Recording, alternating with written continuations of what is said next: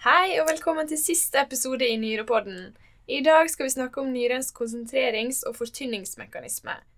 Nyre er faktisk et veldig sosialt organ. Pga. nyrens konsentreringsmekanisme så kan vi sove hele natta uten å gå på do, og vi kan drikke store mengder vann uten å bli vannforgifta. Vi har som alltid med oss professor Olav Tenstad som ekspert. Hei, hei. Hallo! eh, vil du forklare oss hvordan urinen blir konsentrert? Ja, det er jo et vanskelig kapittel, så vi får begynne litt eh, forsiktig. Men eh, konsentreringsmekanismen i nyren den har vi jo nevnt før, at det er de juxtamodulære nefronene som er de som er ansvarlige for konsentreringsmekanismen. Og det er de som ligger helt inn mot nyremargen, og de som har lange hendelses sløyfe som går helt fra nyrebarken og inn innerst, helt ned i papillen, der hvor urinen kommer ut inn i nyrebekkenet. Og da er det den hennes sløyfe. Det er jo den man typisk ser når man ser et histologisk snitt av en nyre. Så ser man alltid disse lange hennes sløyfer. Men det er jo bare de få, 10% kanskje, juxtamodulære nefronene som har disse hendesløyfene. Og det er der konsentreringsmekanismen sitter. Det er der selve motoren sitter, og det er de natrium, kalium, 2-klor-pumpene eh, som er furusomidfølsomme, og som fjerner 25% av det saltet som er reabsorbert. Og det skjer i tykke, oppadgående del av hennes sløyfe. Og det saltet det havner i interstitiet, og det brukes til å konsentrere urinen seinere. Og så har vi vasa recta, som også er viktig. At vasa recta følger samme følger hennes sløyfe. Som en sløyfe. Fordi det gjør at uh, denne osmolariteten, som er veldig viktig for konsentreringsevnen, at det kan være høy osmolaritet i nyremargens interstitium. Det saltet som er blitt reabsorbert, det bidrar jo til å reabsorbere vann etterpå. Det saltet ville blitt vasket ut hvis vasa recta hadde gått tvers igjennom og ikke hatt den sløyfen. Så fordi vasa recta, det er Vet dere hva vasa recta er? Hvor kommer det fra? For det er jo vi har afferent arteriole, mm. og så har vi glomerulus, og så har vi efferent arteriole. Og i juxtamedulære nefroner så blir efferent arteriole til vasa recta. Okay. Så det er peritubulære eh, kapillærer til de juxtamedulære nefronene. Og da vil jo det er om å gjøre å holde på denne høye saltkonsentrasjonen i nyremargens interstitium. Mm. Og når vasa recta blod går nedover i nyremargen, så vil jo natriumklorid fra den høye interstitiet, høy konsentrasjon i interstitiet utenfor vasa recta, så vil natriumklorid gå inn i vasa recta på veien ned. Og så på veien opp så går det ut igjen av vasarekta. Så blir den akkurat som en varmepumpe. Sånn at nettoeffekten fra vasarekta-blod går ned og opp igjen, er at den reabsorberer en liten mengde salt bare. Og bevarer den høye osmolariteten som skal være i nyremargens interstitium. Så Derfor så er vasarekta viktig. Og for å, for å holde på osmolariteten, ikke vaske den ut, og hende sløyfe for å lage den høye osmolariteten som etterpå brukes til å suge tilbake vann. Det var mange ord på konsentreringsmekanismen. Eh, et av læringsmålene er å forstå begrepene counter-current multiplication og counter-current exchange. Hva betyr egentlig det? Ja, Det er bare vanskelige ord på akkurat det jeg sa. Så counter-current multiplication, det betyr det er den sitter i disse saltpumpene i tykke, oppadgående del av hendelsløpet.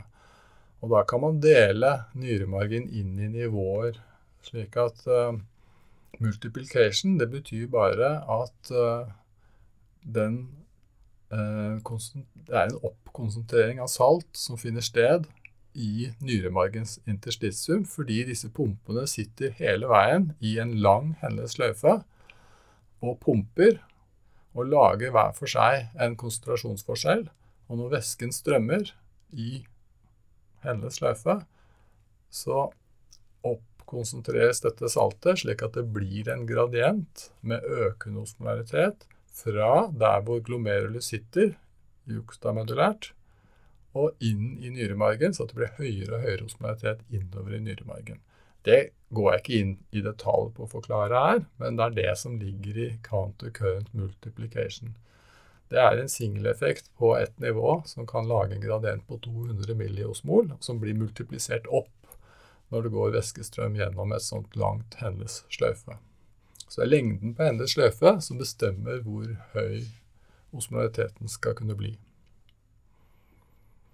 Og counter current exchange det er den utvekslingen av natriumklorid og vann som skjer fra vasa recta-blod går ned i nyremargen og kommer ut igjen, sånn at det ikke blir en utvaskning av den gradienten. Så det er de to tingene. Så det er navn på det som er mekanismene for konsentreringsevnen. Ja. Er det noen forutsetninger for å lage fortynna urin der? Det som er Det er akkurat det samme. Det er det som er så fint, at uh, det som er forskjellen på å kunne konsentrere urinen og å fortynne urinen, det er bare styrt av et hormon som heter ADH. antidiuretisk hormon. Så eh, denne saltpumpingen, den fjerner jo saltet fra sløyfe og plasserer det interstitiet. Det betyr at osmolariteten til urinen er tynn når urinen kommer i distale tubulus. Og uten ADH så blir den urinen tynn. Og vi lager en tynn urin og skiller ut masse vann. Hvis vi har ADH til stede, så åpnes det opp akvaporiner i samlerørene som går gjennom nyremargen, og vann suges av den osmotiske kraften som disse pumpene har laget, tilbake igjen. Mm. Så fortynningsmekanismen og konsentreringsmekanismen er egentlig to sider av samme sak.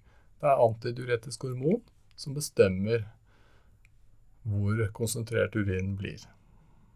Så frem til distale tubulus så er det akkurat det samme som skjer, enten det er ADH eller ikke. Ok.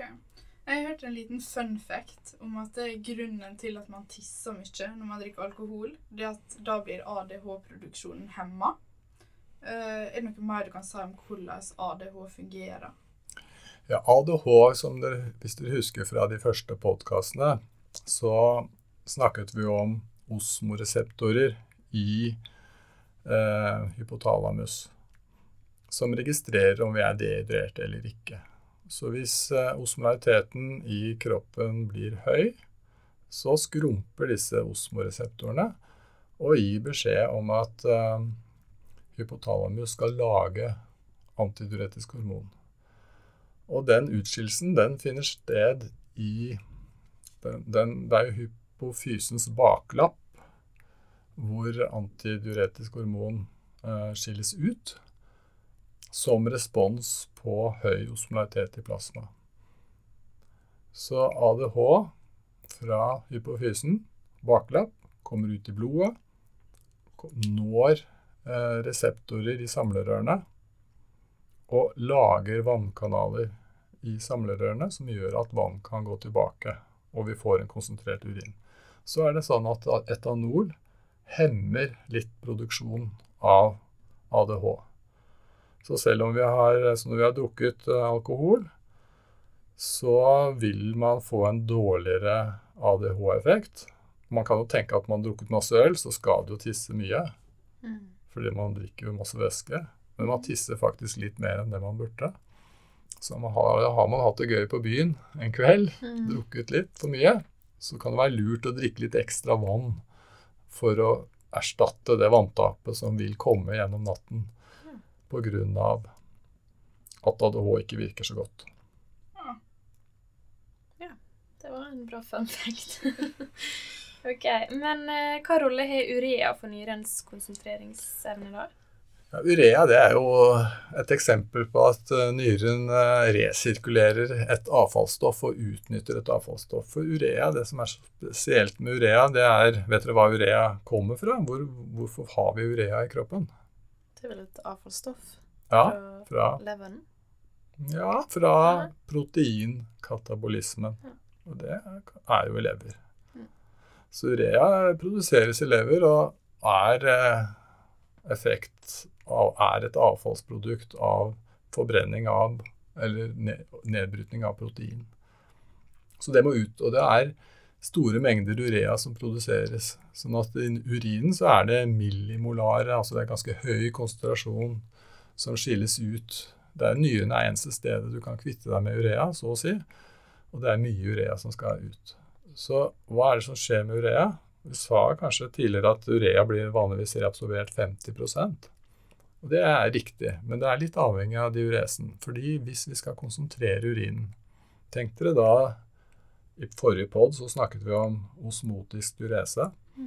Det er mye urea i, som blir filtrert.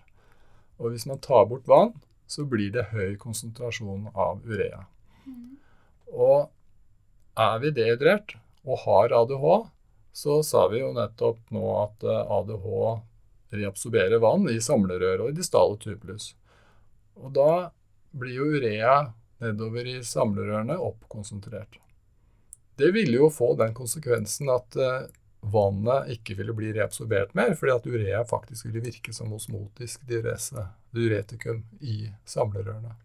Så da er det det geniale at antidiuretiske hormon virker ikke bare på vannkanalene og lager vannkanaler. Det lager også ureakanaler i det vi urea, kan kalle ureavindu, som sitter innerst i nyremargen, i samlerørene.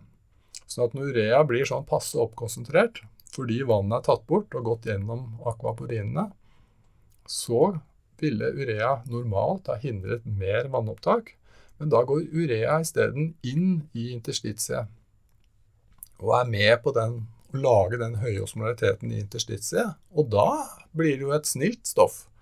Da kan vann konsentreres videre og få så høy konsentra konsentrasjon som 1200. Dvs. Si fire ganger høyere enn vanlig plasma. Så det betyr at eh, når vi er dehydrert, så reabsorberes mer urea fordi du har et ekstra reabsorpsjon gjennom det ureavinduet. Og Hvis vi ikke har ADH, så er det ikke noe problem. Da kan urea skilles ut i større mengder. Ja, så det urea-vinduet det er egentlig at man kan reabsorbere enda mer vann til interstitiet hvis man f.eks. er dehydrert. da. Ja, nettopp. Det er akkurat det. Og hva Da kan jeg jo jeg spørre dere et kontrollspørsmål. Eh, Hva tror dere skjer med clearance til urea når man har ADH til stede? Det vil jo gå ned. Ja, Mm. for da blir det mer reabsorpsjon.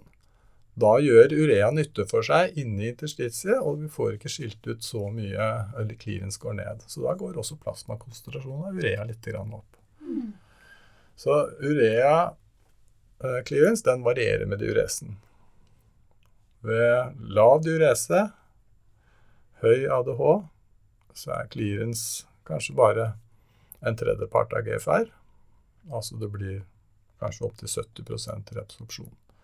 Så det er jo veldig smart eh, at urea brukes på den måten. Og blokkerer man, eller er man født uten disse ureakanalene, som ADH virker på, så har man ikke den samme konsentreringsevnen. Den er ganske tydelig dårligere.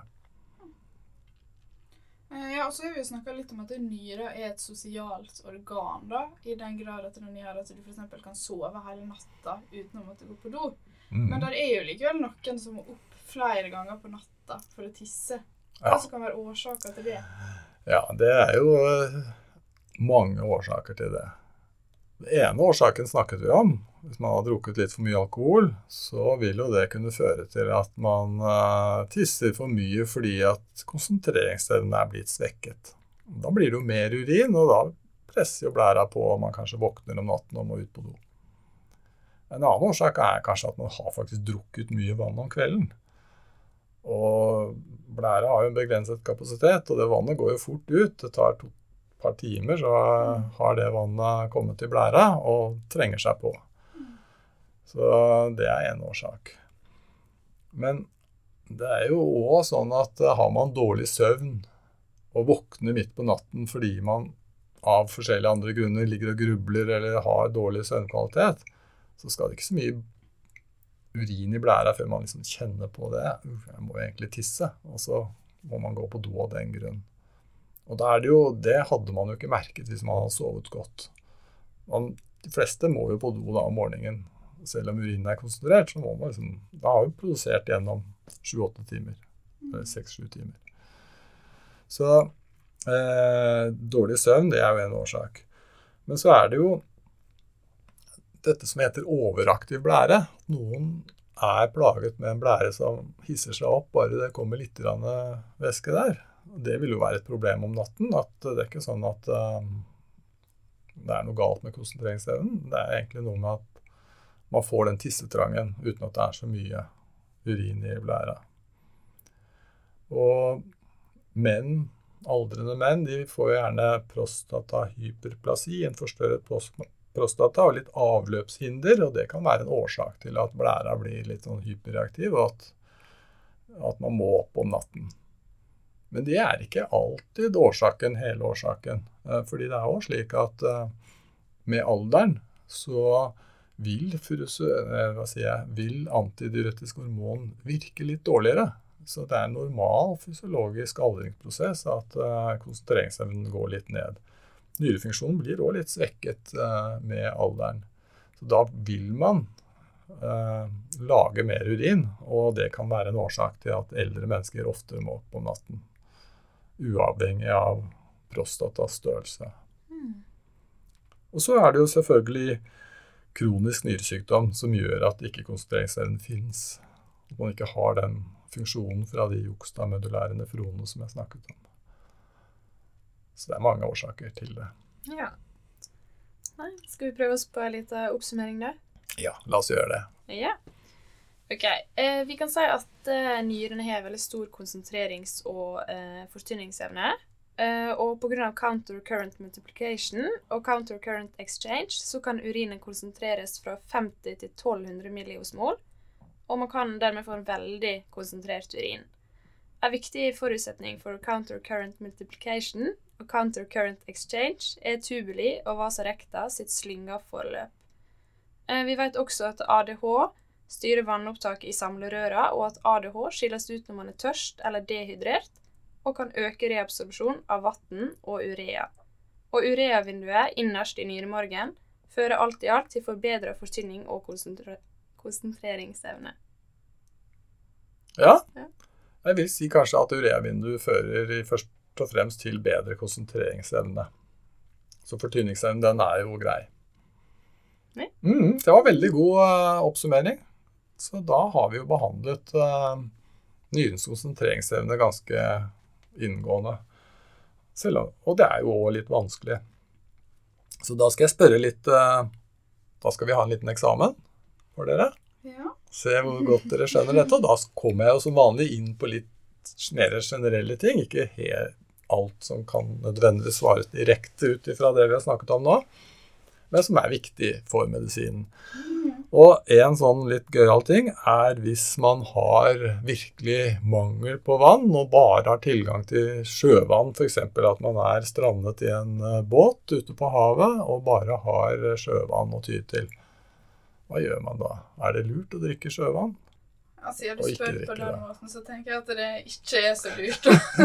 Det var igjen litt ledende spørsmål, men dere må jo likevel forklare det. Ja, eh, da ser jeg for meg at vi kanskje skal litt inn på osmose igjen. Eh, Ja, Fordi at dette sjøvannet det inneholder jo mye mer salt Ja. enn, det, enn den væska vi har i kroppen fra før. da. Mhm. Så det saltet som da kommer i ekstracellulær volumet, det vil vel drage ut en del væske fra cellene, sånn at de skrumper og kan tørke ut. Og så kunne kanskje en løsning på dette her vært om vi hadde klart oss å skille ut dette saltet da, i urinen. Mhm. Men vi mennesker vi klarer vel rett og slett ikke å oppkonsentrere urinen så mye. ja. det er helt rett det du sier. Kanskje et uh, illustrerende eksempel kan være å si at én liter sjøvann det er omtrent så mye eh, osmolaritet i den literen som nyrene er i stand til å skille ut i løpet av et døgn. Så si at du drikker én liter sjøvann, da, at det går bra. Så kan du klare å skille ut det saltet i løpet av et døgn.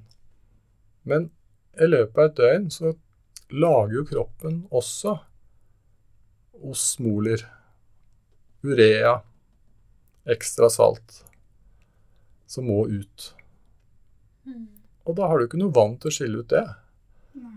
Så drikk Og hvor mye vann er det som man trenger for å skille ut kroppens normale produksjon av osmolytter per døgn? Den minste urinmengden man kan ha med normal nyrefunksjon per døgn, det er En halv liter cirka. ja, det er halv liter. Så man trenger halv liter vann for å fjerne de osmolene som man lager i løpet av et døgn. Og drikker man en liter saltvann, så må man ta ut en halv liter vann fra cellene da, for å få bort det som man har laget. Så for hver liter sjøvann man drikker, så blir man en halv liter ca. dehydrert. Så da gjør man jo vondt verre. Og det er bare fordi at, eh, sånn som du sa, at eh, det er for mye osmolaritet der i det sjøvannet til at man kan skille ut noe ekstra osmoler. Det er akkurat så. 3-4 det er det det er de mest den mest konsentrerte urinen. Og så er det ett poeng til med sjøvann. Den inneholder jo noe annet også natriumklorid. F.eks. magnesium. Og magnesium kan jo virke eh, lakserende. At man kan få diaré av det. Mm. Og da taper man jo væske gjennom tarmen også. Mm. Så det er ikke noe smart. Nei. Det du kan gjøre, da, hvis du har med deg en kamerat, Mm. det er jo å drikke urinen fra den personen hvis han hadde drukket litt vann på forhånd. For den er jo tynnere da enn sjøvannet. Ja. Og steril. ja. Ikke så appetittlig. Nei. Nei, men Så det er grunnen til eh, det, da. Så det, var litt, eh, det er litt interessant. Men det er ikke noe lurt å gjøre det. Heller ikke blande sjøvann og ferskvann. Nei. Da er det bedre å ta det vannet man har, og så håpe på at man blir reddet. Eh, Et annet litt Vi klarer jo ikke å drikke sjøvann. Men en ørkenrotte ville fint kunne drikke sjøvann. Mm. Og hva er grunnen til det? Nei, vi vet jo i hvert fall at eh, det er Henleys sløyfe som gjør at vi klarer å konsentrere opp urinen vår så masse som vi gjør. Ja, Men siden de klarer å konsentrere den enda mer, da, så kan du se for deg at de kanskje har enda lengre Henleys sløyfe. nettopp. Ja.